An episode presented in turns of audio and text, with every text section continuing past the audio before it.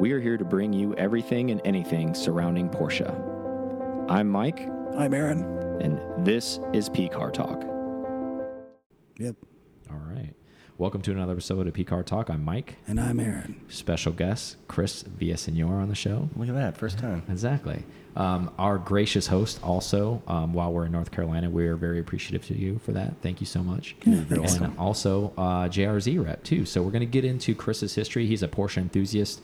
Uh, we're going to talk a little bit about his background with Porsche, growing up with Porsche, uh, some of the cars he's owned over time. the nail he just gonna, yeah, and then transition into um, some JRZ conversation at the end that he's allowed to divulge and share. So it's going to be interesting talk, right? So we're excited.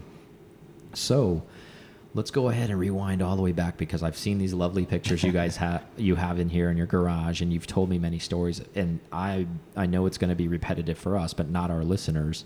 Um, tell us a little bit about that because you got a really cool picture of your mom in an old long hood 911, and then you got a picture of a speedster um, being towed around behind a wagon and stuff like that. And you grew up in SoCal, is that correct? Yeah. Yeah, the early years for sure. Yeah. Yeah. So let's elaborate a little bit on that. Your exposure to Porsche as a young at a young age.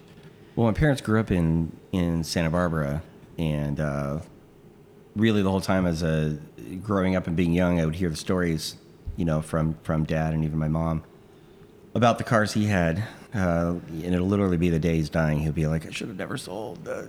yeah. So he had a couple of uh, 356, um, including the Speedster that you saw, including one with a twin cam Carrera motor. man, like the Holy Grail. Right? Yeah, when it was not, it didn't mean the same. Yeah. You know, and, um, you know, that picture is him, you know, with a Buick wagon, Mm-hmm. towing it, doing a, um, uh, essential, would we would call a track day now. Yeah. You know, and they would just go out to Riverside and places like that, uh, or even drive the cars Uh-huh. out there, and you just wouldn't think about doing that now with that. And then um, the other picture was a little bit later. Uh, Mm-hmm. you know, they had married by then, and that um, 69, I think, is what that was Yeah. not in 69 but it was in Yeah, 69 yeah. and so it would have been uh, late 71 that's my mom doing a gymkhana at, at Point Mugu in california and she was five months pregnant with me and um, was that? and still beat my dad That's you know, so awesome. the same weekend Yeah, and so exactly. it's just been a bit of a it's always Yeah, porsche's so always had more been weight. Yeah, because of you and the stomach, right? yeah, and she was just she was honestly kidding. just kind of a bigger badass, you know, and pretty fearless, Yeah. uh, pretty rad woman, and uh, yeah, so that's always stuck with me. The Yeah. stories were always there. Dad would take us, you know, take me to races, talk about it. He was the kind of guy that you could point at any car on the road and you're like, "What's that?" and he would tell you. Yeah. Um, and uh, always into the brand, and um, yeah, so finally. Later, that was one of the first cars I got, and Yeah. ba- again back in, in California for college in Santa Barbara, and I got Yeah. a uh, uh, 74 two liter 914 and it's just sort of always been Yeah. it'll never Yeah, it'll never go away Yeah, I guess when you're kind of like living inside your mama's belly and she's driving a 911, maybe that's like osmosis somehow, it's a or pretty it's kind of like, like organic just story kinda like yeah happening, like yeah right? It feels pretty legit aside Yeah. from being born in one i think exactly that's pretty, right. pretty close Exactly. Or you hear those origin stories. Oh, I rode home in a 911. You're like, Yeah. okay, well, I was actually was pre track. riding home. I was still Yeah. inside. i was racing in an yeah, LA. like I was technically like toe weight at that point. Yeah. But I mean, that must have been pretty rare too. Obviously, you weren't like alive at that time. But did you ever get to have conversations with your mom? Obviously, after you were born and you were talking about cars a little bit, it must have been pretty rare for her, even during that time. Because even nowadays, I mean, there are women in Porsche and stuff like that, but there's still not that many. So I couldn't imagine how she must have been an ostrich back then. There was nobody probably like doing that, uh, uh, woman wise at least. yeah no like i said she was pretty fearless and i think if it was something that she's standing around and she's watching all the guys do she was kind of like i can do that and Yeah. probably faster you know and that's exactly what she did and even a little bit later, uh, we'd go to the, the dunes, and she would drive that we had one of those Jimmys, you know, a Mm-hmm. Yeah, yeah. 75, Uh, and she, no problem, competition hill, didn't care Uh-huh. who it was, and had no experience doing it, and, and was just, you know, ready to dive in and go, and that was So pretty if- awesome. If we can, if you know it, what? How did they get into Porsche? Because I always find that to be interesting as well. Because you think about it in that time, like you said, they're kind of racing. They're doing what essentially what modern day people are doing with more modern cars, but they were doing it back then, like early Yeah. '70s and stuff like that with these vehicles.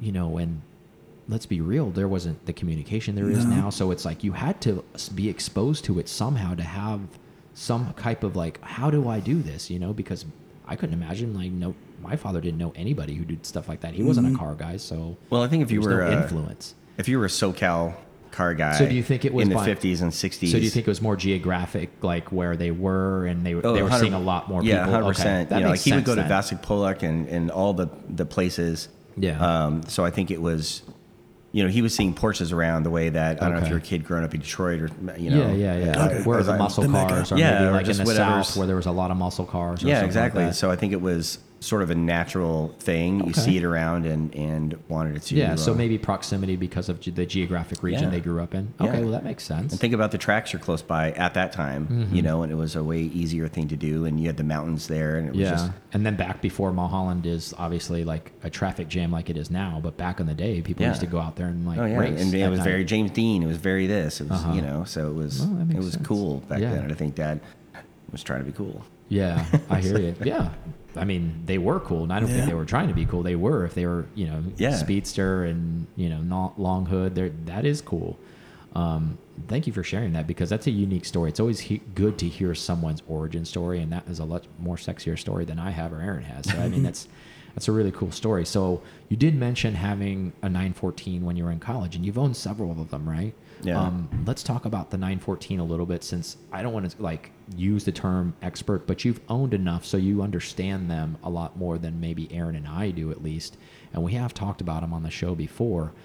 But let's talk to somebody who's owned a few of them. Why did you like them? Why did you gravitate towards them? Why'd you keep Um, buying them? Yeah. Why, what, what kept you? What kept you? Why? Yeah. Why did you keep? Well, I mean, it, you know, from a curiosity Yeah. standpoint, because there's a lot of listeners too that may be first time buyers, um, and you know, it helps. Maybe they don't know anybody who's ever owned one, and maybe if you tell some testimonial stuff, they're like, "Oh yeah, I can relate to what he's saying. Like, I actually maybe this is a car for me, or and I don't need to have that." No, I think it's a it's a really good example of um, an evolution that happened. That wasn't necessarily the vehicle evolving itself. You know, there wasn't five generations of it. Um, you know, at that time, um, now when I had it in the you know 1990, they were in again in in Southern California. It was um, your cheapest way in, and uh, they were affordable for an 18 year old. You know, who had a Volkswagen Yeah. or had been around that.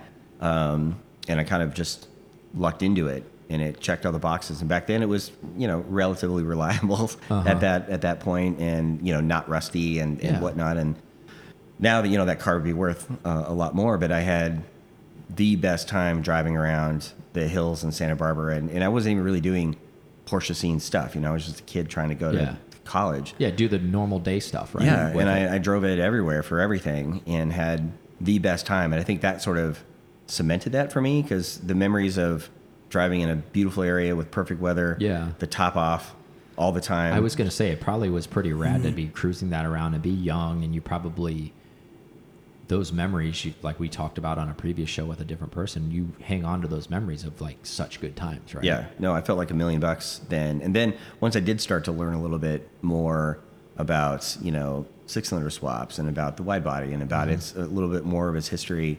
Um, and then, you know, then I found a 73, you know, two liter that Uh-huh. had been flared and, and painted and whatnot. And, and, uh, so I, you know, sold the other car and got that and, and, uh, you know, had that for a while until you sort of just kind of run out of money for college. And, and whatever exactly. You're like, I'm capped. you know I'm capped, bro. and then i think the, the same story that happens to a lot of us you know then there was the gap you know you don't have your porsche for a long time but you always wish that Mm-hmm. Yeah. you did and then by then i was actually working in industry Mm-hmm. and around all these now porsches are getting really expensive and this and that and then um, you know i had a chance to dive back in and i found a, yeah. a signal orange you know 74 18 that with the um, the brown interior and i was Uh-huh. like that's that's what i wanted and the same deal just had a great time driving that around And nice. then then you're kind of stuck and then you then you become the the 914 proponent and then you start listing off well it's lightweight it's Uh-huh. Yeah. mid-engine it's this You're it's the- affordable you're the advocate for yeah the you car know now, you're right? that guy Yeah. you know and uh, uh, you're like you don't have to have a 911 you can have this and um, it, if you get a chance to drive a nice one it is really rewarding it's a lot of fun. Yeah. um, yeah, especially if you don't start thinking about horsepower. Mm-hmm. But again, also a sorted one with a motor swap is amazing to drive. I can imagine. Um, but uh, yeah, I just I, you know, and there'll be, you know, of course, Always there's going to be another one. yeah, you know, at some point. special place in your heart for Yeah, and you guys got to say the last one. Yeah, I know. rode in that one, and I, I was gonna like piggyback onto what you were saying. I never drove drove one, but I never even rode in one until I rode in yours, and I was blown away about how intimate the feeling is. Meaning, like I'm not using that word negatively. I mean in a good way, where you know everybody uses the cliche face, it's very go kart esque or whatever, but it really does feel that you're really close to the road, um, really good visibility. Uh, the car handles literally cliche term on rails. And like you said you don't even have to be going fast to have a good time because there's not a lot separating you from the road. So imagine riding in a go-kart that maybe is just a tube chassis frame with nothing around it um, basically take one step further and put some glass and doors on it. That's kind of what that felt like. And i was like man this feels intense but we're only going like 60 miles an hour yeah and it is so- still very Porsche. You know, I think that's the other thing in the early days. There's that lot of talk about it's a, it's a Volkswagen, it's a this, and the reality is it's Yeah. incredibly Porsche. So in Southern California, you were in 18, you were dealing with that. So you have a lot more to speak on uh, than maybe even more recent owners, even somebody who's owned for 10 years. Like we're talking back to 1990, right? So we're talking some time. Did you experience any of the ostracization of people saying like it, when you and I know you weren't really like saying you were in the big Porsche scene. It was more of your daily driver. You were hanging out, but did you ever encounter any of that anywhere in Southern California, or be like, oh fuck, like that's not a that's not a Porsche. Get yeah, definitely in, in subtler ways. Uh-huh. You know, no matter what, it was it was just 9911. Okay. And wasn't going to be or 928. Yeah. Even. Um, you know, experience 914 racism essentially like i'm using that in air quotes right now Yeah, I don't know if I would go to, to that extreme, but I mean, there was a reason why they were uh, affordable, Mm-hmm. you know, and, and by that I mean really inexpensive. yeah yeah Um, so yeah, there was a lot of that, but I think it was a little, maybe a little easier there because there, you know, I just got done saying it's not a Volkswagen, but at the same time, because Volkswagen culture was so big, then, um, it always has been and still is. Mm-hmm. Yeah. It was an, you know, very much an easier transition and you still kind of were in that, um, that world. It wasn't like immediately I was trying to show up at, uh, you know, some concours and trying Got to be it. at that um, at that level. But I think the people who are into Porsches and into driving Porsches, kind of how we we are now. Mm-hmm. The ones that were like that then, I think were very like they got it and they admitted, hey, that's a great car. You know, a two liter 914 at the time would outhandle a 930. Mm-hmm. Yeah. in a in a tight course. Uh-huh. So they and they got it and they knew it. I think it was the people who were sort of into the brand or more into the show car, into the collection or whatever. Got that it. just it wasn't. Whereas now it's a whole different thing. Finally, in the last however long, it kind of came Mm-hmm. yeah back. kind of getting its due Mm-hmm. maybe essentially because i know i'm glad you I, I wanted to dive into that history because you actually lived it because you're the first person we ever known and own, owned them that long and i don't mean that in a negative way i just mean it like you actually have firsthand testimonial from it to say like yes it was this way or and not and not saying just because you didn't experience it it wasn't happening to other people but I, I just wanted to hear that because we hear that a lot of times where people you know discredit it as being a porsche oh that's not a real porsche even like when we've talked about in other episodes with 944s people discredit that car well that's a transaxle car that's not like a real porsche um, I, I I disagree with all of those things. Yeah. Obviously, it's a Porsche. Does Um, it's just yeah. I was going to Yeah. say it just does different things, right? It's not the classic 911, but it's still a Porsche. Yeah. Um, yeah, and I actually really enjoyed your. Obviously, you've enjoyed many 914s, but I enjoyed that short ride that I did take with you back from uh, Sonderworks when we came in the car, and I'm like, man, I was actually pretty impressed by the car. I was like, wow, this is. It opened my eyes up a lot, and that's when I was kind of pushing you, Aaron, saying like, you should really consider one of these. That was when you were kind of really shopping and air cooled, Yep. and you still had your 997, and you were like, okay, I'm not, I'm, I might do this, and you're like, oh, I can't do it, I can't do it, like. The front and the back look the same. I can't do it. I, I, oddly enough, I think that's one of the things I kind of like about it. You know, I, I've gotten to really appreciate its proportions, and there's a whole new generation of owners now, both older and younger. Um, and you know, younger, it's again, it's an entryway into air cooled, and then older who have no problem buying, uh, you know, 911 or several for that matter, but they also get it, and now they've had a great experience, or they might have another air cooled or this.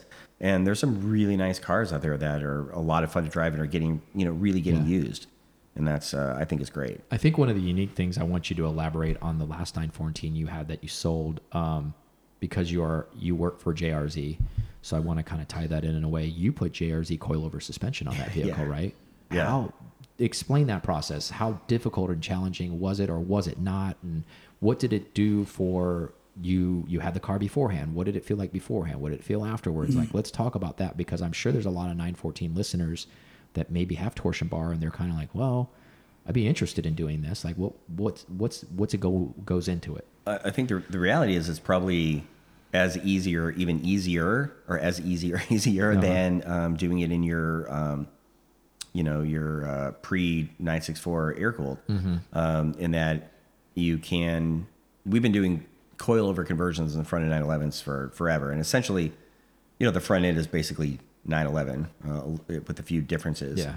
so it was fairly straightforward in that way. It does require either modifying, you know, your stock um, spindle um, or you know sending a donor one or something. And it's pretty straightforward from the do. And, and when they're done, it's a really nice piece. You know, it's remachined and replated and uh, rewelded, and you can change geometry and and such. Again, very classic things that we've been doing to 911 since the beginning. Um, and then the rear at a 914 already is coilover, so it's pretty straightforward to, Okay. to you know to do with that. That's why I mean it's actually a little easier. And um, yeah, it was pretty. Well, I dare say transformative, but you know, 914s are pretty good out of the box when they're when they're sorted, as is a 911. Yeah. But it was that same thing. Now you just made it even more capable. Um, and with that particular set of dampers, that RS Pro 3, now I had that sort of I could do it all. I didn't have to make, you know, super soft street car, and I didn't have to make a super stiff Got it. tough to drive uh, track car, I could kind of have both and really dial it in because the 914 is stiff and light, uh, and uh, it was it was a lot of blast, Yeah. uh, a lot of blast. It was a bit, Yeah. it was Yeah. a lot of fun to do on those events that we did with it. Yeah. So obviously, this is a stupid question, but I kind of want you to answer it in your own way, with, with a little bit of background behind it. From so taking it from where it was when you first had it, and then where it ended up. Uh, obviously, we know it's an improvement. That's goes without speaking. But um, did it just feel so much tighter? What was what what was the rebound like? Was it just did it give you so much more confidence in the corners compared to what it was before that? Um, or was it actually not significantly different? Like, what what would you say there? Well, I would say with this particular car because everything was a little was definitely a little tired. Uh-huh. You know, a lot of dry rubber bits and and bushings and such. Uh, it was pretty it was pretty dramatic how much better the car felt, and and all of a sudden you felt like you could point and shoot at anything. Uh, and uh, you know, a rough reference like doing the ruckus in it or doing Target Carolina in it. Uh, any tight corner, you just you could uh, just attack it, and Yeah. it was so much fun. Okay. Super confidence inspiring, and uh, in that way. Somebody who's maybe say take me for example. Say I'm shopping a 914, and obviously we can get into the weeds of it. But give me the cliff notes for listeners and myself if I'm shopping one. Like, what do I need to look out for if I'm going to look at a car that maybe is, you know, I see on Facebook Marketplace, or maybe the guy down the road has one, and I want to buy it. What should I be looking out for? Like maybe point out rust spots or some some bugaboos with the car. Some of, what are some of the things that you've experienced after owning four of them over such a long span? What have you learned that are pain points, and what have you learned that aren't that big a deal? Because you know, obviously, there's the forum keyboard people that are saying like, this is what you need to watch out for. This is what you need to watch Yeah. out for. But from you, since you lived it and you've owned four of them, what do you really need to look out for on those things? I mean, absolutely rust. Uh-huh. Rust, rust, rust is the Just tough- kind of everywhere, or what? I mean, yes, to, to, to some extent. Um, you've probably heard people talk about the hellhole, Mm-hmm. you know, uh, and that's just the, with the way they did the um, uh, the engine lid and everything there. It, it would allow water to um, drain down through, Okay. and it would go over the battery. The battery would drip Got kind it. of acid down there, and then it would just uh, underneath in a very hidden spot. It would just all stew, for lack of a more. Okay. technical way to put it. all that away. Yeah, and it would just, and then it would get down into um, the longs, which are you know this that lower part of the the unibody there, Okay. and uh, really weaken the car. But they were susceptible to anywhere they could get water, Mm-hmm. which was all over the car. Is is certainly susceptible. Okay. um, they weren't galvanized. So they were they were plagued coming like all those early cars kind of Yeah. were where they weren't galvanized. It's like basically do your homework and really really Yeah. look at the car. Yeah, so rust is the biggest thing because the reality is most of the mechanicals can be fixed and redone and rewired and re this. And it's if you can find one that's not rusty, um, then the rest is fairly straightforward. Um, Is there a lot of patchwork, almost kind of like Beatles, where the floor pans do they get rusty, and then you see patchwork under the you, know panels? exactly. You can. So yeah. So get, getting back to what you're talking about, doing your due diligence is obviously looking for rust, looking for repair work, um, looking for shoddy work. Mm-hmm. I think is sort of the um, the biggest thing. because of like you said, Yeah. they weren't they were really cheap back then. So Yeah. maybe even if they were already rusting in the Yeah. '90s, people were probably doing the gum fix to it to get Yes. it through for a couple years because they know that's not there forever. Yeah, Unless crazy it was a weird. co- i.e., college kid car, yeah, exactly. Uh, yeah, weird, um, weird fixes, bondo in place you didn't expect, really bad welds and things.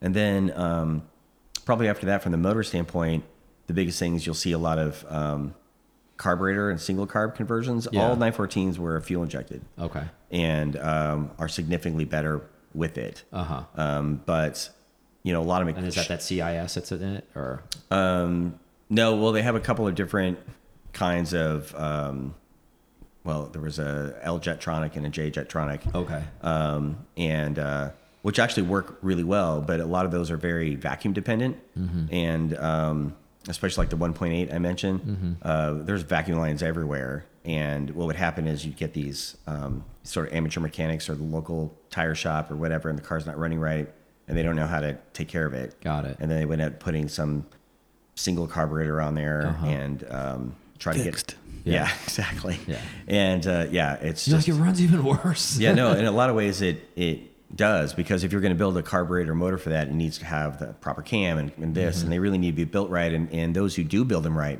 you can have some amazing uh, Type Yeah. Four performance. But um, to me, the the absolute best one is always going to be a stock injected one, Okay. unless it's a purpose built. Got it. Full yeah, unless motor. you've like taken it somewhere and really got Yeah. somebody like to do some like massive Exactly. work on it. Yeah. that makes sense.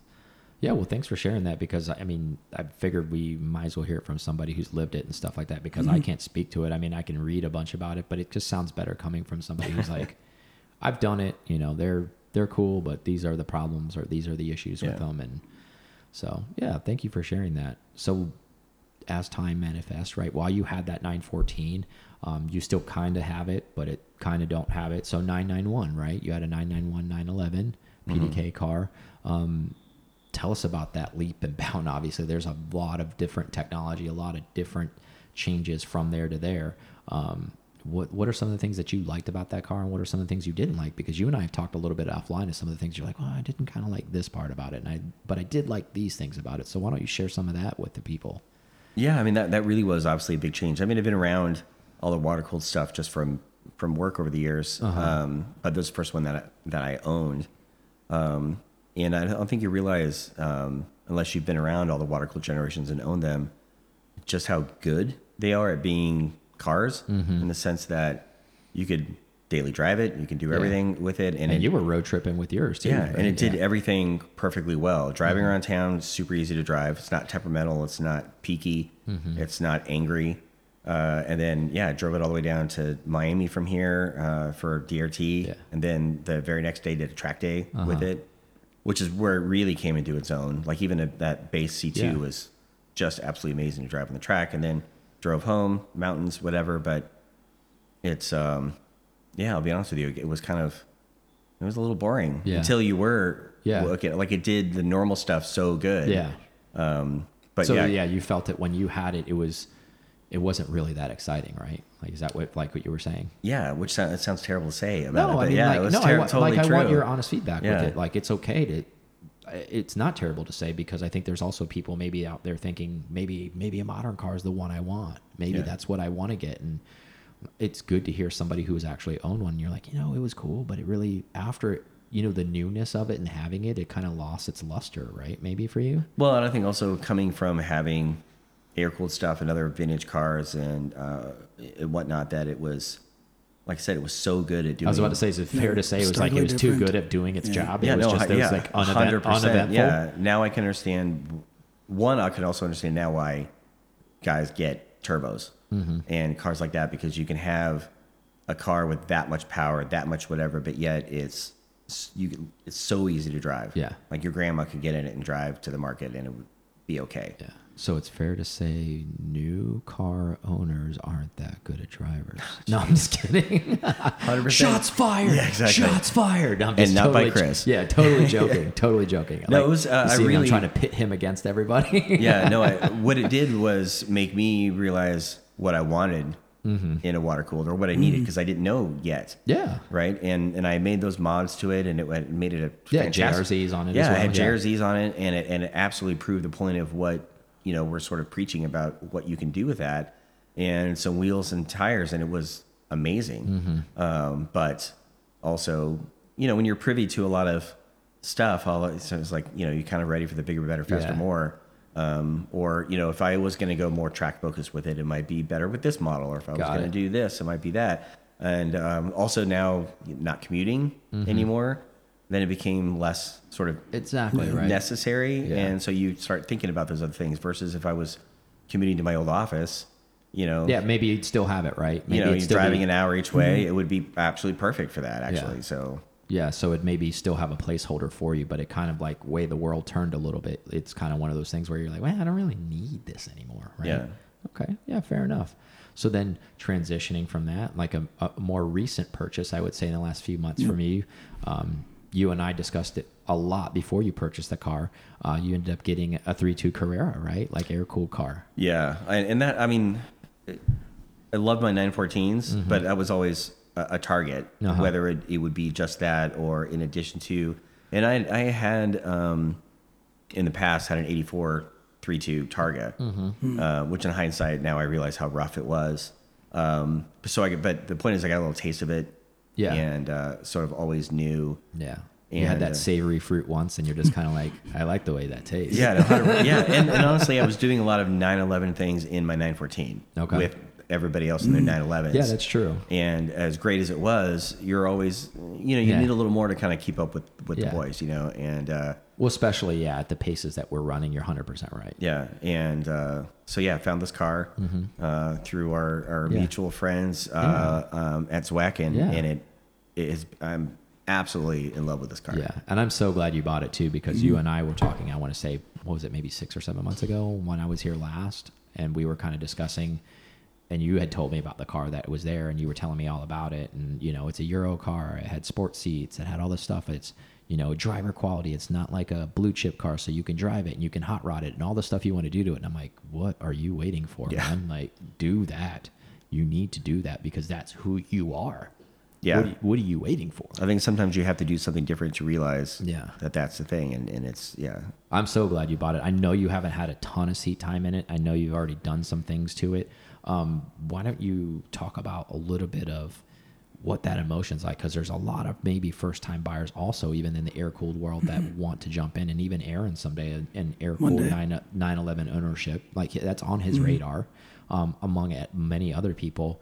Um, you know, where people go like, well, maybe, you know, I'm really scared to make that choice. Maybe just because I'll have buyer's remorse or I'll, is it the right car for me? Clearly you don't feel that way. Like when you brought it home, you probably felt like right away, you're like, yes, Yep. I'm so glad I bought this. I, Yeah, I think five minutes on the road after, Yeah. you know, because I, I drove it back fr- from Miami, and you know, it was nice again having knowing the people I do in the industry, and then Mm-hmm. the friends that we have, and just our kind of Porsche community that um, knew what to expect a little bit, and then having those trusted friends, you know, like Allison Neal there Yeah. and, and Charles up here, and you can really sort of vet it all out Yeah. um, ahead of time, and and know you're doing the right thing. Mm-hmm. But until I got in the car and I got all sorted, and I got Yeah. on the highway the first time, and I was like, 100% at home. Yeah, I just knew it was the the right thing, and drove it all the way back here from Miami, and and sort of really got to know it, and it was a fantastic experience. Talk about from your perspective, what are some of the the nuances or the differences you noticed maybe right away in early ownership? That way you haven't had a lot of time between obviously the obvious with the 914 and the 911. I mean, really with engine placement, horsepower, those are all the obvious. But I meant like maybe tactile feels, like the the way the car feels when you're driving it. What what are some of the significant differences you noticed as a driver there? I mean, it's it's definitely, you know, it's a it's a solid, thought out, real car, and I don't mean like the 914's not, but I mean it's, uh, you know, you've got quite a you know whole decade in between the generation. Well, obviously 911 goes way back, but that 32 Carrera um, and SC before it, like it was very developed Mm-hmm. by then, and it works really well. Um, and so it was immediately confidence inspiring. Yeah. you know, and fast without being too fast. You know, it- it. with a you know a stock motor, and it helped being Euro, so it's got a little more Yeah. a little more ponies, but uh, yeah, everything just felt right. Everything that you touch feels right. Everything is Yeah. in a thought out It's spot. almost like a build quality type of situation where where everybody always does say because it's a true thing where they keep evolving the 911 you felt that that Yeah. you had a piece of sculpture that was continuing to get evolved correct yeah, yeah. With I mean, it was, you know, it wasn't like you're driving, you know, a piece of museum art. It was Uh-huh. just wonderfully purposeful. yeah but- more of an instrument right as yeah, but to had but it still was beautiful. It had purpose. Mm-hmm. It was designed, you know, with a, a, a thoughtful artistic eye. It Yeah. wasn't so, you know, so industrial and, and whatever that it was, you know, was boring by any means. But uh, and I think also if you're a certain vintage like me, it sort of represented everything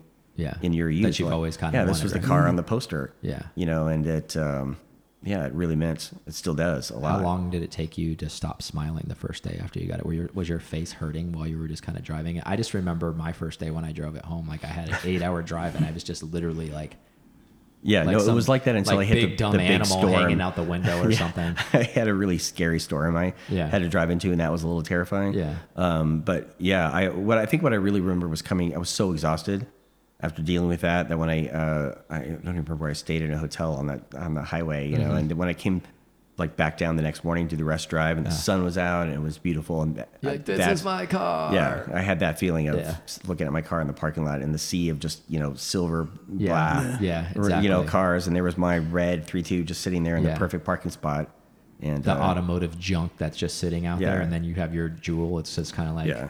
I'm not gonna lie, wild felt pretty good. Yeah, Yeah. exactly. You're just like, yes, yes, box checked. yeah, the rest of the drive was pretty awesome. Yeah, I bet. And then like since then you've done some stuff. You've done you've done suspension work already on it. You've had the engine kind of tuned, I guess, Yeah. the best way, like tuned up essentially, I should say. Yeah. And then you've done different wheels and tires and Exhaust. Um, exhaust. But like the big difference, right? Like I think you even said it. Wow, I can tell the difference just changing tires too. Like where the confidence inspiring with tires. Yeah, right? just all the the the sum of all the small things, and um, it's kind. It had it was so great driving home, like we talked about, but now now it's like developing its personality. Yeah. and you know making these mods. It's the same stuff like you know we all do, um, but getting to experience it myself. Mm-hmm. Um, it just every everything we do, I get done to it. It just gets better.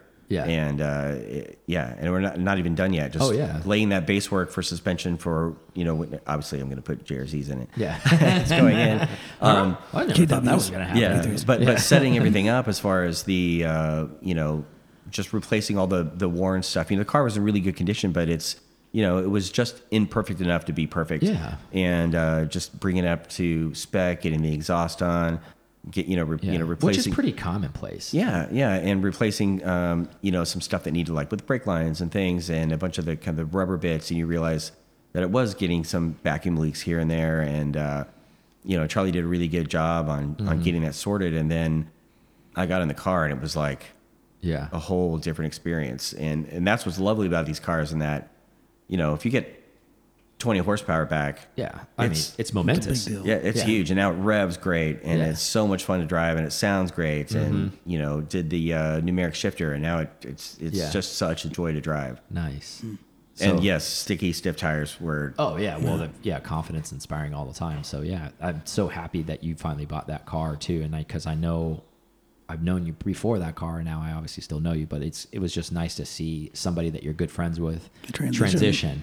To that because he's always wanted that 911 Yeah. and he always wanted that light car and actually this car worked out really great because it, it was really the goldilocks car for you because it wasn't so nice that you couldn't hot rod it and, Yeah. you know it wasn't so clapped out that you didn't want it so it was like Yeah. it was just that perfect car that we're all kind of looking for in a way of like all right this is this is my car so yeah I, I love it and i love the way it looks it looks great with the the gold campos on it man it mm-hmm. Yeah, I do come out to the garage, and, Yeah. and it just will sometimes. yeah Yeah, Yeah. you start thinking of look like, what i've done yeah. Do I need something from the store? Yes, yes, I do. yeah, exactly. You're like, let's make a run. yeah, And plus, like we talked about before, it's starting to get really nice out. It's mm-hmm. going to be, especially for you guys, you're going to be driving a lot more, and you're like, Yeah. you're like, yes, It's this is why I have you. it's going to see a lot of miles this month. Yeah. we got a lot going Oh, on. Yeah, there's a lot of drives. Yeah. but like that's what they're for, man. Yeah. that's what it's for. It's nice to be able to do that with without fear. Yeah. I mean, anything can happen, obviously, and Of course. and, and they're old cars and they'll do stuff, but at the same time, you can plan to do this kind of miles in Yeah. it, and it and it loves it. Yeah, compared to maybe something like similar vintage, you'd be like, "Ooh, I don't know, Yeah. man. Like, I, I don't want to like really leave the city because I might not make it back. Yeah, they're just so robust Yeah. and reliable, and we have a strong enough community too that with anything that comes up, there's somebody to help you. which is super great and Yeah. that is i think that goes without being said enough where maybe if you were on some coast to coast road trip there really is somebody in any major city who's kind of like we're friends of friends or somebody's friends Yeah. with them to say like hey man i'm like broke down can you like at least kind of park my car in your driveway or something until something comes Yeah. and picks it up they're like oh yeah sure man no worries like and that's the great thing about it too right community um, so let's transition a little bit. You work for JRZ. Why don't you say what you do for JRZ, and then we'll transition to some of the newer products because I'm really excited about some of the stuff we talked about about what JRZ is doing with their suspension. Yeah, well, I'm the um, the sales manager for uh, uh, for the U.S. Okay. market. Uh, you know, JRZ is a Dutch suspension company. Uh, been around in, in the way that it is now for 25 years, um, which means a lot. In, in its in its origin history goes even further back, um, and uh, always been a, a big player in high end suspension, in developing new technologies for that, uh, in racing uh, in particular, um, and uh, and then beyond racing, you know, we've talked about a lot uh, as well in, in off road and, Yeah. and rally and such. But in the U.S., you know, most known for racing, definitely um, a lot of Porsche. I mean, that's uh, I'm going to say if maybe even bread and butter Yeah. uh, for them. And uh, yeah, it's pretty exciting to be a, a part of them. I knew them for a long time before started working, you know, Uh-huh. with them. Uh, so it was a real, uh, it was a real good move. Yeah, absolutely. So now, um, obviously, they have all different levels of suspension. Um, you know, most of it coilover suspension, and we talked about Overlander stuff, RS3 Pro, um, one of the suspensions, all that kind of stuff. So there's an adjustable, adaptable suspension. Can you elaborate on that so I don't say anything incorrect there? so since you're the expert behind that, um, other than basically, I'll just say the tip of the iceberg, kind of the stuff we talked about. What you know, it being on the Gunther Werks car and it's an adjustable, adaptable suspension that's on this super high end car that your company supplies all of this like rad technology and stuff. Can you actually describe what that's really doing and how can other people transform their cars to do something similar? Yeah, this is some Ford technology that is really complementary to, you know, JRZ's existing, you know, kind of high end, um, you know, suspension systems, uh, which are fantastic. And in those quote unquote analog systems now will, will definitely outperform existing electronic technology that we see, whether it be, um, you know, what's on Porsche or McLaren or, uh, you know, a Volkswagen GTI for that and you're matter. referring to like the PASM, like the active stuff or whatever. Okay. And um, so what they've um, uh, developed with SRI is a whole new valve technology, Okay. uh, a complete departure from what we're used to seeing. Um, and overcoming all of the the negatives that I'll be honest, even I didn't really think about existing, meaning the speed of the valves, you Mm-hmm. know, how sensitive they are to uh, heat and hysteresis, and uh, you know how fast they can go. And I think that was the one of the biggest things, you know, of the electronics part, meaning the com- computer brain and whatnot.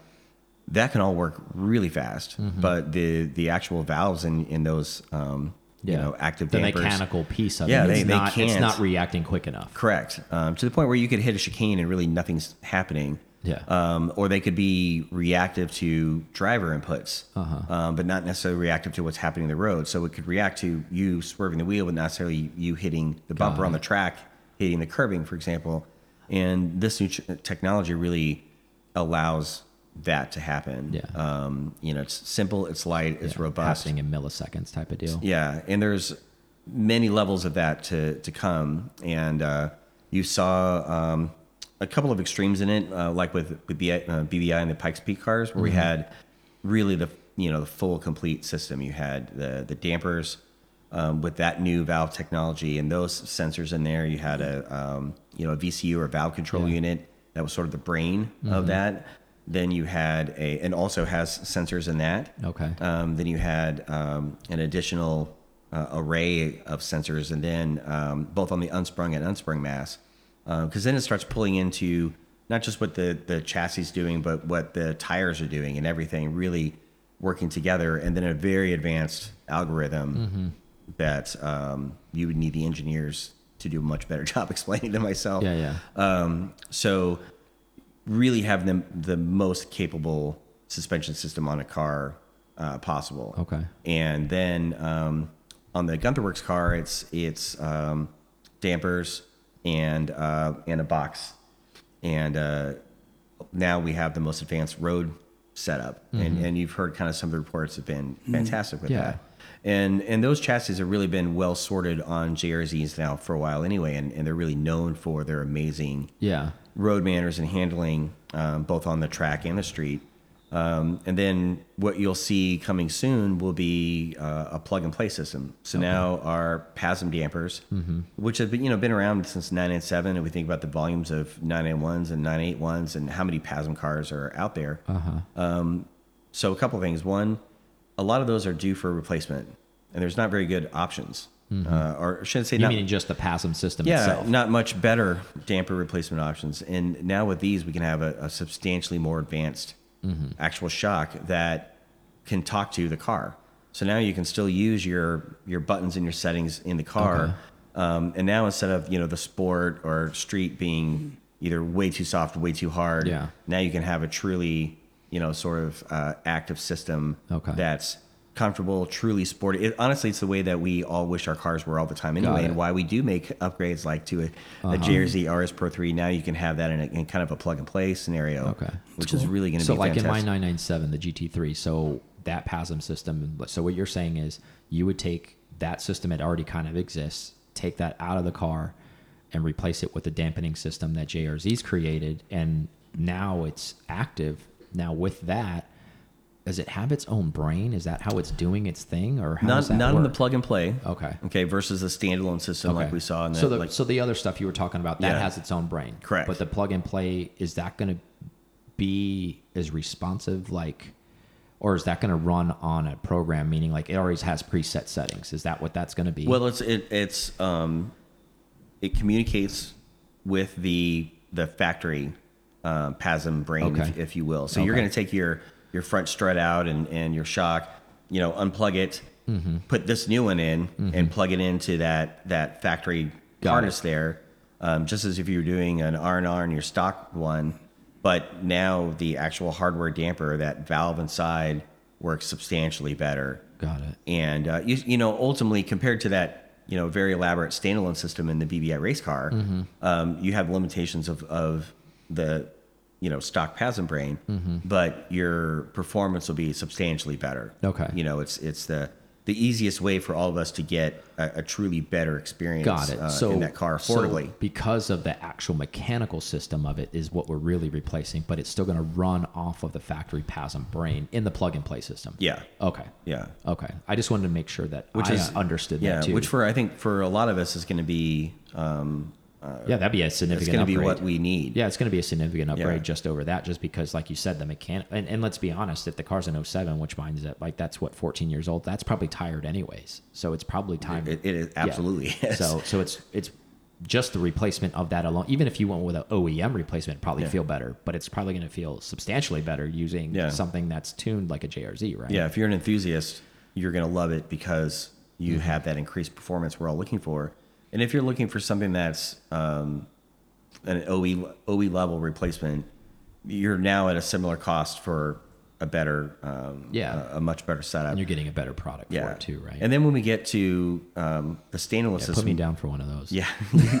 you also uh, you have an app that you can use to control various aspects of it. Okay. Uh, like in the Gunther's car, for example, and in a in a more extensive version of what we did in BBI as well.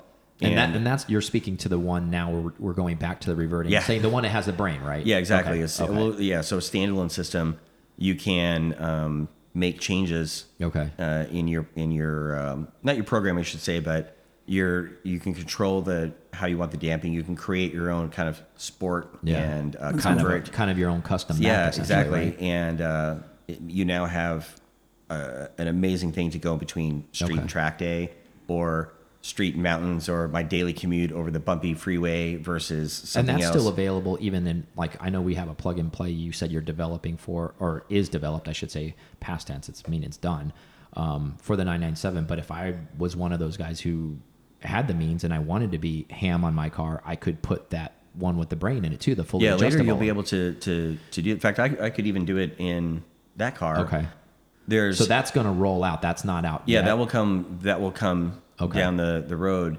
and um, That's more kind of like race applications currently, or special kind of stuff like Gunther yeah, you would Works. see it more in, in a in a special scenario. Okay. uh, like, but also you think about those cars; they're um, completely being you know built from the ground Mm-hmm. Yeah. up. So it, it that's the perfect opportunity to be able to run wiring, Got to be able to integrate it into the I car it, in a very seamless way.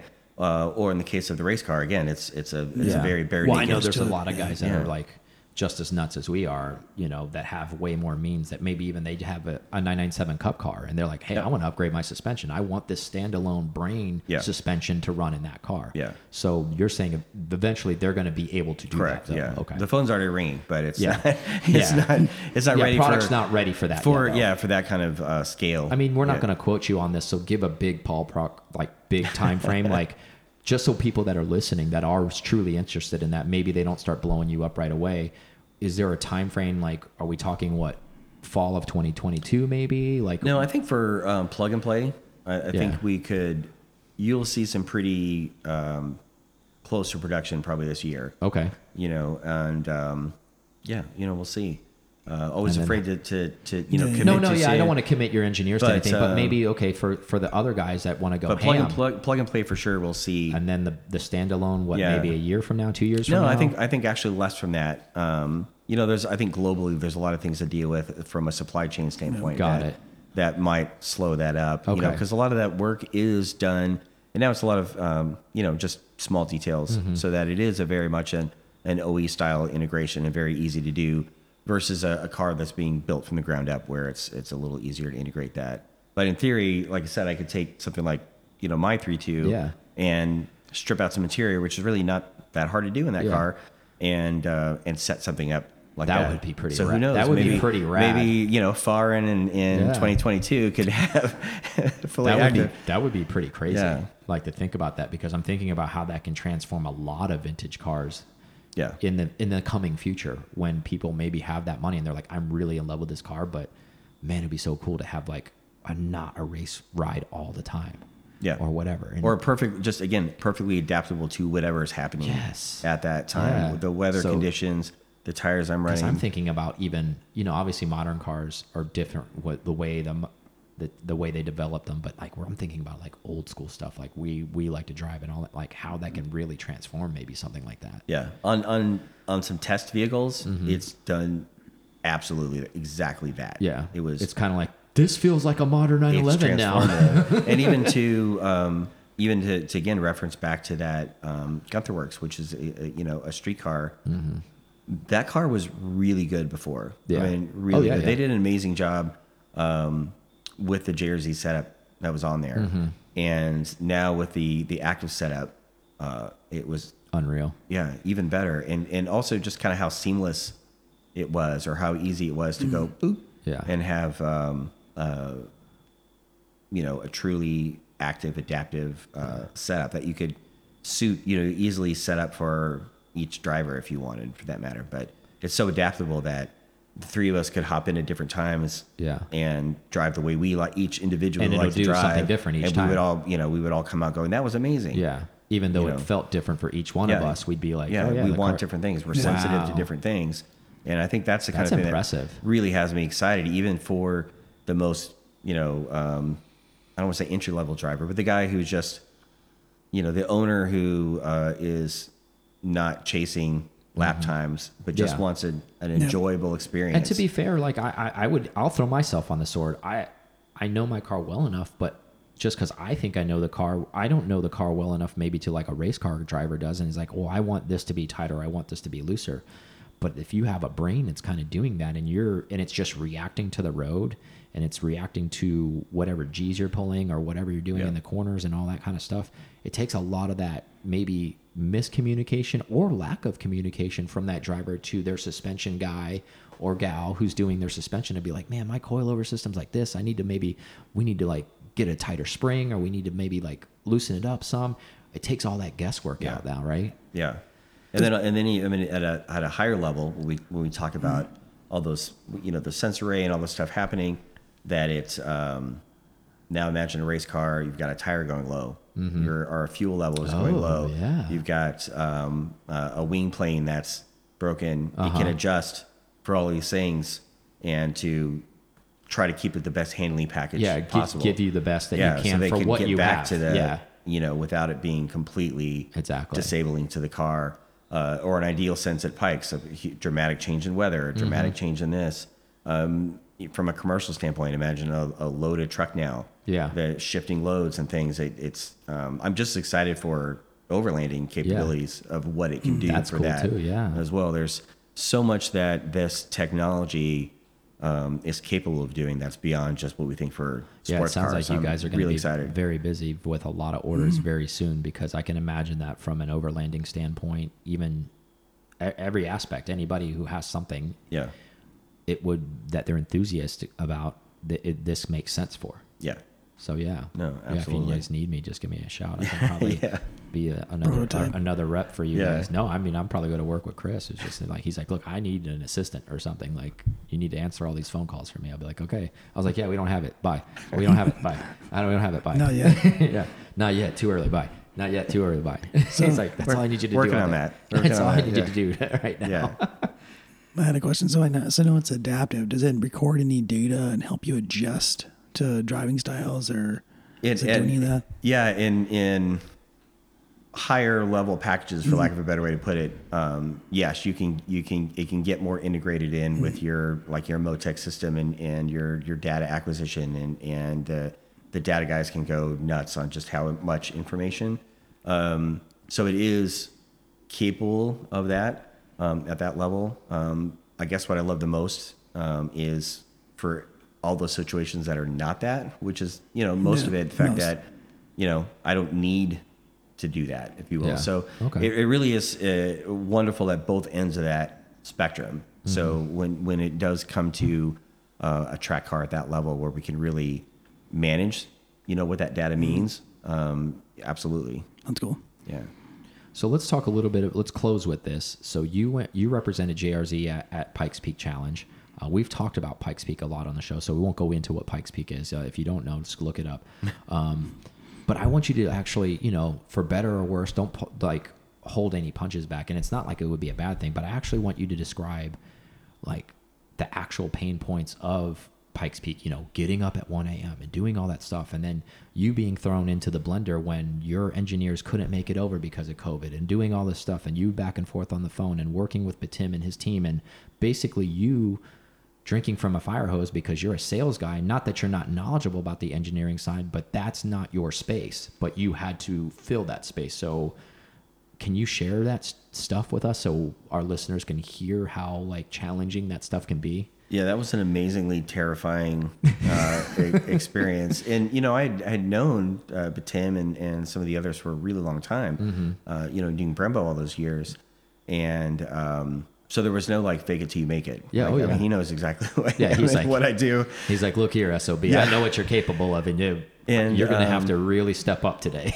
No, uh, actually, he said almost exactly those Yeah. uh, those words. um, and um, yeah, it was a little bit. All the there was intended to be, um, you know, uh, they we put a lot of effort into putting together the two systems that were um, on those two cars. Um, a lot of engineering time, a lot of money uh, to put those together and get them sent over. And there was going to be, you know, uh, an additional staff of 3 to support these. Um, and uh, it, yeah, it Yeah. didn't didn't get to happen. Yeah, they were, like, uh, denied at, entry, at the, right? At the Like, most they- political, like there was, they couldn't fly in, basically, right? yeah, That's they could, yeah, because they were they're overseas, so the people don't understand. It's not like they're trying to fly from Tennessee to uh, Colorado. These guys are overseas trying to get into our country. Yeah, and it was it was very much a kind of a big political mess, but that's what it boiled down to. Okay. And then all of a sudden, it was like, okay, Chris, I guess you're Yeah, you're it. Your boots on ground, buddy. That's all yeah. we have. Yeah. So there's you know like, me "Yay standing there for with, being the only person in Yeah. the U.S. to represent JRZ. yeah, yeah. So they were. Um, uh, I'll be honest with you. Considering everything that was going on and the just the new, kind of the newness of the system, they were amazing. Um, and they were as helpful to me as I could have ever possibly been uh, to them. All the guys there. Um, they worked so hard on those cars for all kinds of things they had to uh, to deal with, and that's kind of what the mountain throws at you. And I think why they keep coming back for Yeah. punishment every year because Yeah. it's really hard work. And um, even when the car is like perfect, it's still a lot of work, and it's such a weird schedule. It's unlike anything you would do in a normal race weekend, any twenty, even a twenty-four hour race where Yeah. you think it's the middle of the night, um, because it's a a much smaller setup. You can't bring everything, right? Yeah. You're literally on the side of a mountain during the practice days. And they and they limit you. It's not for lack of wanting to. They just do not allow you to bring these huge rigs and all well, this there's no stuff. in. space Yeah, uh, for it. So you're, um, you know, they during that week before um, they split up the mountain in three sections, and you practice on that at three in the morning. so Mm-hmm. exactly. um, because you have to be off the mountain by nine, because then they open up back back up to regular Oh, tourists and yeah. things. Yeah. Um, so the schedule is weird. You know, you're up at like I said, one one a.m. You're on the mountain at, at Mm-hmm. three, and uh, trying my best to be available, um, get the correct setup that they Yeah. want, facilitate communication between our engineers who are stuck. Fortunately, with the time difference, 3 a.m. for us was kind of perfect for Oh, them. yeah, they were awake. but then we would run into you're also at nine to 12 to whatever thousand feet with zero reception. Oh, so trying yeah. to get that Spotty. communication back, that was a Sorry, you're breaking up. What? How many pounds? Yeah. Say that again. No. Oh, I lost him. I lost him. Yeah. So it was it was challenging on many levels for them, and it was really cool to be um, sort of even though I was in the middle of it, it was still very much sort of observational as well, just watching watching them work. Um, and it was it was pretty cool to be uh, a part of it. The drivers were amazing. The cars were absolutely amazing. Yeah. And um, you just don't realize how fast those cars are, especially Lucy. Yeah. Until you're there. Because like camera footage really doesn't do it any justice. No, it was, and it was even kind of, I think, turned down a little bit, you Mm-hmm. know. Uh, and they had a rad um, kind of engine management crew as well. Like, I mean, I think it was it was super pro level. It was Mm-hmm. really cool um, experience, and it was good also to see. And you got to set up the suspension on that The car suspension work. it. And that, like, why the reason why I bring that up is like I can't amount. I know you very well, like your personality. you must have literally like been so wound up because I Oh, just God. know you. Like the just if a so to give a, in a, in a way, it's a good and bad thing. Chris really likes things the way he likes the things. so if there's like a wrench on the counter that's not supposed to be on there, he won't ask you. He'll just come behind you and put it away. Like, or if there's a napkin somewhere where it's not supposed to be. So I couldn't imagine him having to go and do this thing because he probably it- wants it to be perfect. No, but, but- he's like, what the?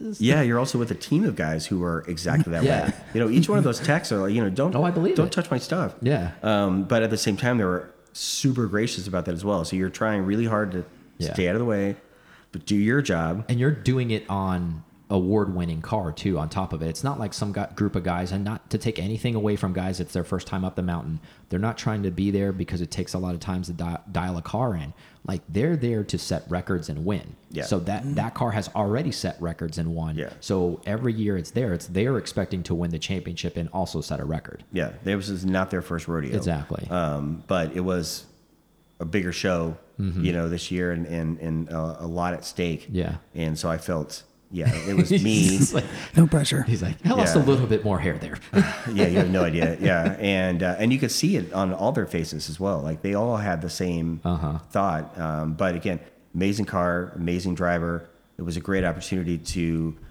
to feel firsthand and see what the suspension is really capable of doing. We learned a lot uh, from that experience as well, Mm-hmm. um, as did they. So.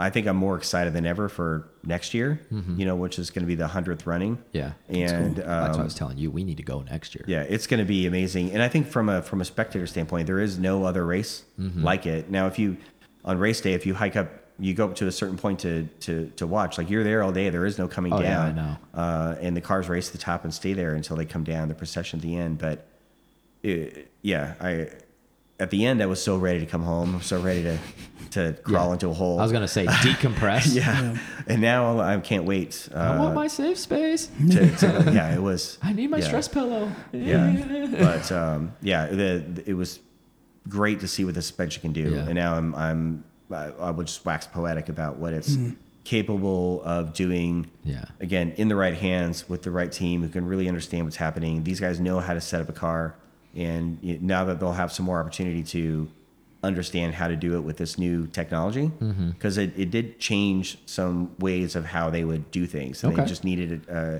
to understand that, and without having the engineers there Yeah, to help exactly. facilitate You that, it was know. it was a it was a real challenge. And I think then at the end, everybody's like, okay, I see this. This is actually a pretty elegant solution to X or to Yeah. Y. And um, the fact that I could stand there at at hot pit, if you will, or Yeah. at the start, and they say, hey, we need a little this. And normally you would have to climb into the car and do this and try to click this and do Yeah. that. I just had the tablet. I could go bloop and Yeah. make a change that That's awesome. immediate. Sport mode. Yeah. Yeah, I mean, Exactly. honestly, kind of. You Yeah. could you could set different parameters. Give us some more juice here. Yeah, and then you Sport know, Plus. and then normally back at um, at the shop, you will you could actually you know plug in a true tuning platform and make Yeah. all kinds of programming changes um, at a real sort of elite level. Um, it, yeah, it was an amazing. Yeah. amazing stuff. Well, thank you for sharing that. And also, I think it's really cool for you to share that too. The reason why I want to bring that up, it's why JRZ and other motorsports type places like JRZ sponsor big events like this or cars that they believe in because it's a lot of R and D for them to understand what the product that long term they're going to develop. So Does it work? It, it you know, almost kind of like the ethos that Porsche has with their race cars on track. They learn a lot from those cars, and those cars that makes their way into the 911 and the GT3s and all that kind of stuff, and kind of what you guys are doing. Everything daisy chains and connects. So I just kind of wanted to paint that picture for everybody. I mean, that's why these companies do stuff like this, so they can learn more and be better and their product better and all that kind of stuff, right? Yeah, and also, I mean, there is a uh, you know, uh, racing is in the DNA of the company, just like it is with Porsche and, and certain tire companies and things like that. Like they're in it to win it, Mm-hmm. Exactly. And then the byproduct is also we Yeah. it helps Exactly. the the rest of the market as Exactly. well. But- because like yeah, when you're doing it at that highest level, you're like, okay, how can we manufacture this to down to the people who need it Yeah. at just the normalcy? yeah, it's not just uh, you know win on Sunday, sell on Monday. Of course, of course. we want to win and Of win and win and win and win. Of course. And then, then sell some. yeah, that's we'll sell and sell some too. products so we can continue to win. Yeah, exactly. Yeah. Yeah. so we can keep feeding that. It was uh, yeah, it's just it's a pretty amazing Yeah. experience. Well, thanks for sharing that. Do you have anything else for Chris? I don't. think we've taken a lot of his time already, but awesome, Chris. Thank you so much for coming on the show. Thank you for hosting us and just Yeah. being a good friend and man, just sharing some really good stuff and like your family history and all that kind of stuff. I do not. I am so glad I remember this. I almost forgot to do this one thing, and it is very, very important to me to not forget to do this. So stay tuned. We're not cutting yet. 356. yeah. Yeah. Mare would rip my face off if we didn't talk about that because Yeah. actually like love the story behind that and her and I talked a little bit offline. Mary's Chris's wife, lovely wife. It's letting us stay here as well. And that's her 356 in the background if you're watching. Um, that she's been the caretaker for and then Chris has been able gracious enough she's allowed him to drive it and like kind of babysit it and be a caretaker for it but I'm sure she would appreciate it if you kind of told the story of that car because it has a very rich history. I've taken pictures of it, and the last time I was here, like put- did a post on Instagram, like, man, this car has an awesome history. I'm not going to get into it, but do you mind sharing some of that? I think it's so good for everybody to hear something like that. Yeah, no, that, uh, that car means a lot to us Mm-hmm. uh, because it, it's very representative of, of us in the sense that, um, you know, I had this, you know, long kind of Porsche background and a bit worked in the industry a long time and whatnot. And, you know, when we first started talking, um, we, I don't know, chatted for a couple hours about stuff and things and what you did for a living and, and whatever. And then somehow the car came up and it was like this immediate sort of kismet Yeah. moment. Um, and because, you know, my dad had them and, and that car was actually her father's. And um, he had it uh, 20 some years before she got it. And it was Yeah. something that he always wanted. And he's like, someday, you know, because he came from Yeah. nothing and worked his way through everything Yeah. and through med school and, Yeah. and whatnot. And he's like, someday I'm going to have one of those. And he wanted to get one that was the year he graduated high school. Which and, is and it was a year, this is a year off from Okay. that. But he found a car um, Got in- super close. in Texas. And um, he actually bought it from Al Zim, Uh-huh. which, if, if you've, over the years in the magazines, you've seen Zim's Auto yeah. Technic advertised. And um, so it, yeah, she she had just got the car when we uh, first got together. Mm-hmm. Yeah. and uh, was still, you know, just getting familiar and uncomfortable. She, you know, she could certainly drive it and, Uh-huh. and whatnot. And uh, you know, together was like I think she was starting to get comfortable with getting to do things and meeting Mm. people. And now I kind of I've driven it a lot, obviously. 'cause Yeah. It's awesome. Of course. And it's something I always, you know, Yeah. really had wanted. Uh, again, especially the fact that my dad had had him before, and we started to go things together. And now I treat it, even though I've driven it a bunch, and taken it to Target, and, and Mm-hmm. really it's been through its paces. Um, and uh, but now we go to something. She'll drive that car, and I'll drive something else. And uh, she's super proud of the story. Yeah. Now she understands and talks about it, drives it fantastic. And uh, yeah, we're so, we'll never get rid of that Of car. course, it Yeah. can't. I mean, it, Yeah. especially with the origin story behind it of like the father wanting it so badly and then working his butt off to make it happen. Yeah. And then passing it to his daughter too. Man, so applications for ladies that are out there right now. This is not like dating line, but if you are, you have a classic Porsche, And bum bumble. it- and it came through some origin story like that. Email me at pcartalk.com. no, but in all seriousness, that is such a cool story. And I am so thankful that I didn't forget to do it because I would have kicked myself so hard because I wanted to share that legacy story out there because, you know, not everybody has like a great mm-hmm. legacy story or not every car you, you it kind of ends somewhere right you don't know sometimes when it gets passed or sold or and and that one is so cool and and the fact that it's in your family now and then you guys are the caretakers for it and it was her father's it's almost kind of like that it's still like her dad's still here right No, it Like, really it's is. like it's a super humble, Yeah. real car. Like it's it's totally him. Is most Yeah. non no sense uh, uh, no nonsense guy you'll ever Yeah. meet. And uh, uh, I think he would be if he was still with us, he'd be super stoked that Yeah.